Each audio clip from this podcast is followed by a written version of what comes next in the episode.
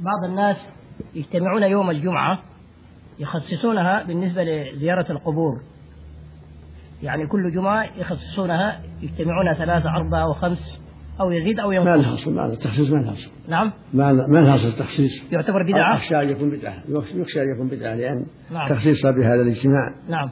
أما إذا كان ما عندهم وقت يعني مشغولون إلا يوم الجمعة فزاروها لأجل إنهم إنهم أنها أفرادهم نعم. فلا فلا حرج. إن شاء الله لكن تخصيص. أما تخصيصا لأجل فضلها نعم. ما يصلح إذا قالوا إن فيها ساعة الإجابة وأحرى أن يستجاب الدعاء هي الرسول صلى الله عليه وسلم أعلم منهم هذا والصحابة ما خصوها.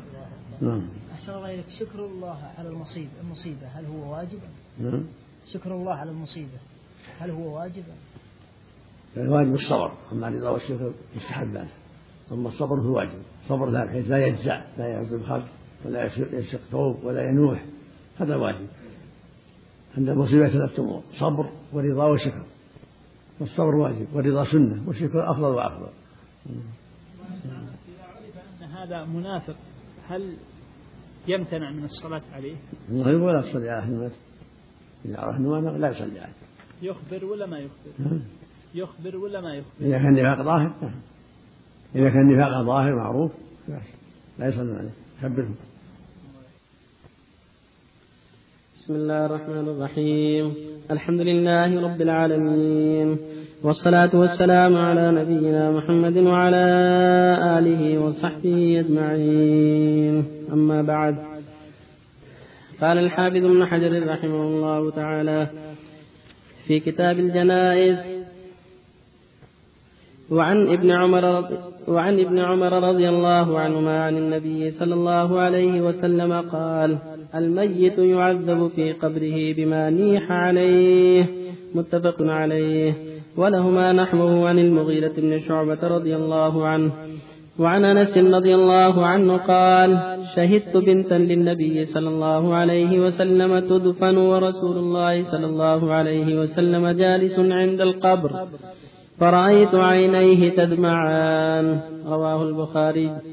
وعن جابر رضي الله عنه أن النبي صلى الله عليه وسلم قال لا تدفنوا موتاكم بالليل إلا أن تضطروا أخرجه ابن ماجه وأصله في مسلم. لكن قال زجر أن يقبر الرجل بالليل حتى يصلى عليه. وعن عبد الله بن جعفر رضي الله عنه قال لما جاء نعي جعفر حين قتل قال رسول الله صلى الله عليه وسلم اصنعوا لآل جعفر طعاما فقد أتاهم ما يشغلهم. أخرجه الخمسة إلا النسائي.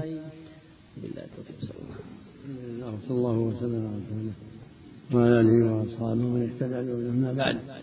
هذه الأحاديث نياحه الميت والبكاء. وصنعه الطعام لأهله.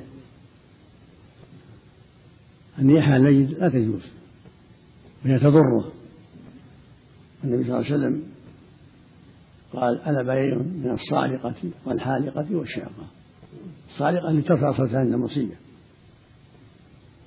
وأخذ عن النساء الذين ينحن وجعل النائحة والمستمعة.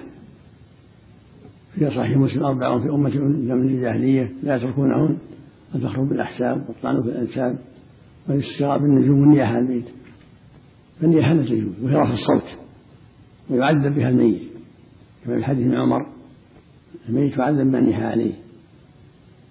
هكذا حديث المغيرة وجاء معناه من حديث عمر.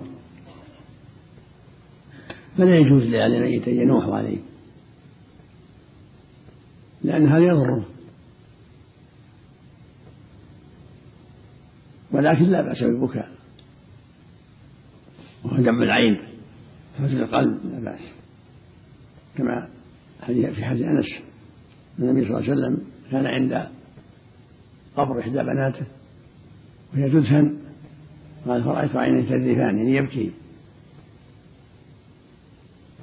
هذا يدل على جواز البكاء وأنه لا حرج في ذلك. من هذا الحديث الصحيح قول صلى الله عليه وسلم لما مات إبراهيم العين تدمع القلب يحزن ولا نقول إلا ما يرضي الرب وإن بفراقك يا إبراهيم لمحزونون فلا معنى من الدمع من العين حدود القلب لكن لا يرفع صوته. ولعل من الحكمة في كونه يعذب بأنها عليه لعل من الحكمة أن يجتهد في زجرهم ووصيتهم ونصيحتهم ألا ينحن إذا كان يضره ذلك يوصيهم ويحذرهم من النياحة. هذا مستثنى من قوله جل وعلا ولا تزروا وازرة وزر أخرى. هذا مستثنى بحكمة بالغة. حديث أخير حديث عبد الله بن جعفر أنه لما جاء نعيم جعفر في الشام لما قتل وهو أحد أمراء الجيش المبعوث قال النبي صلى الله عليه وسلم اصنعوا لآل جعفر طعاما فقال أتاهم ما أشغلهم أمر أهل بيته أن يصنعوا لآل جعفر طعاما فهذا يدل على أنه يستحب أن يصنع طعام لأهل الميت إذا مات ميت أن يصنع لها قاربه وجيرانه لأنه مشغول بالموت. ويستحب يصنع لهم طعاما يكفونه المؤونة بسبب حزنهم ومصيبتهم هو حديث صحيح حديث عبد الله بن حديث صحيح. أما أهل الميت فلا يصنعون أهل الميت لا يصنعون للناس. روى أحمد رحمه الله بن ماجه عن جرير بن عبد الله البجلي رضي الله عنه. قال كنا نعد الاجتماع على أهل الميت وصلاة الطعام بعد الدفن من النياحة يعني يعدونها الصحابة. هذا يدل على أن أهل الميت ما يصنعون للناس. ولكن يصنع لهم والحديث الأخير فيه النهي عن الدفن بالليل. إلا عند الضرورة. رواه ابن ماجه. وفي رواية مسلم زجر رسول الله يقبل الرجل بالليل حتى يصلى عليه. فهذه الرواية هي معتمدة. رواية مسلم هي معتمدة. لا يدفن حتى يصلى عليه. أما الدفن بالليل فلا بأس به. قد دفن الرسول صلى الله عليه وسلم بعض الصحابة في الليل وأسرجوا له السراج ودفن النبي في الليل والصديق وعمر في الليل لا حرج في ذلك. هذه الرواية اللي فيها الدفن الليل النهي عن دفن الليل رواية ضعيفة. رواه ابن ماجه بلسان ضعيف. والصواب أن الدفن بالليل لا بأس به. إذا لم يقصر في حق الميت إذا غسل وصلي عليه فلا بأس. نعم.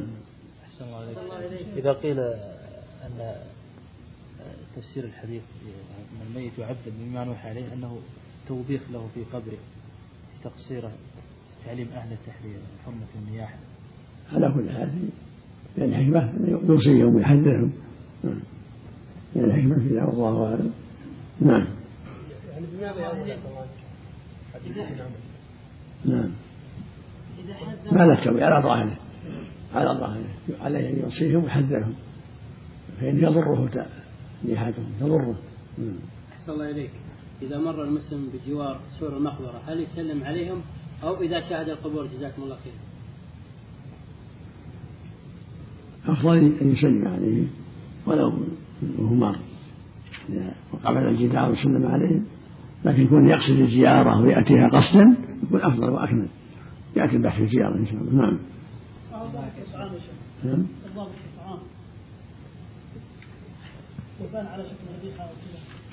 ما في ما في شيء.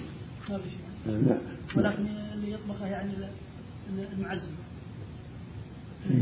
نعم. لا الجيران. الجيران ولا قادم من مات له ميت قال إن الميت يعذب بسبب توصيته لأهل البلاد. يقول بما نيح عليه الميت يعذب في قوله بما نيح عليه بسبب النياحة. أحسن الله إليك. إذا وصل الميت قبل موته. إيه. إذا وصل الميت أهله بعدم النياحة وحذرهم منها ثم مات وناحوا عليه. يعد في قبره.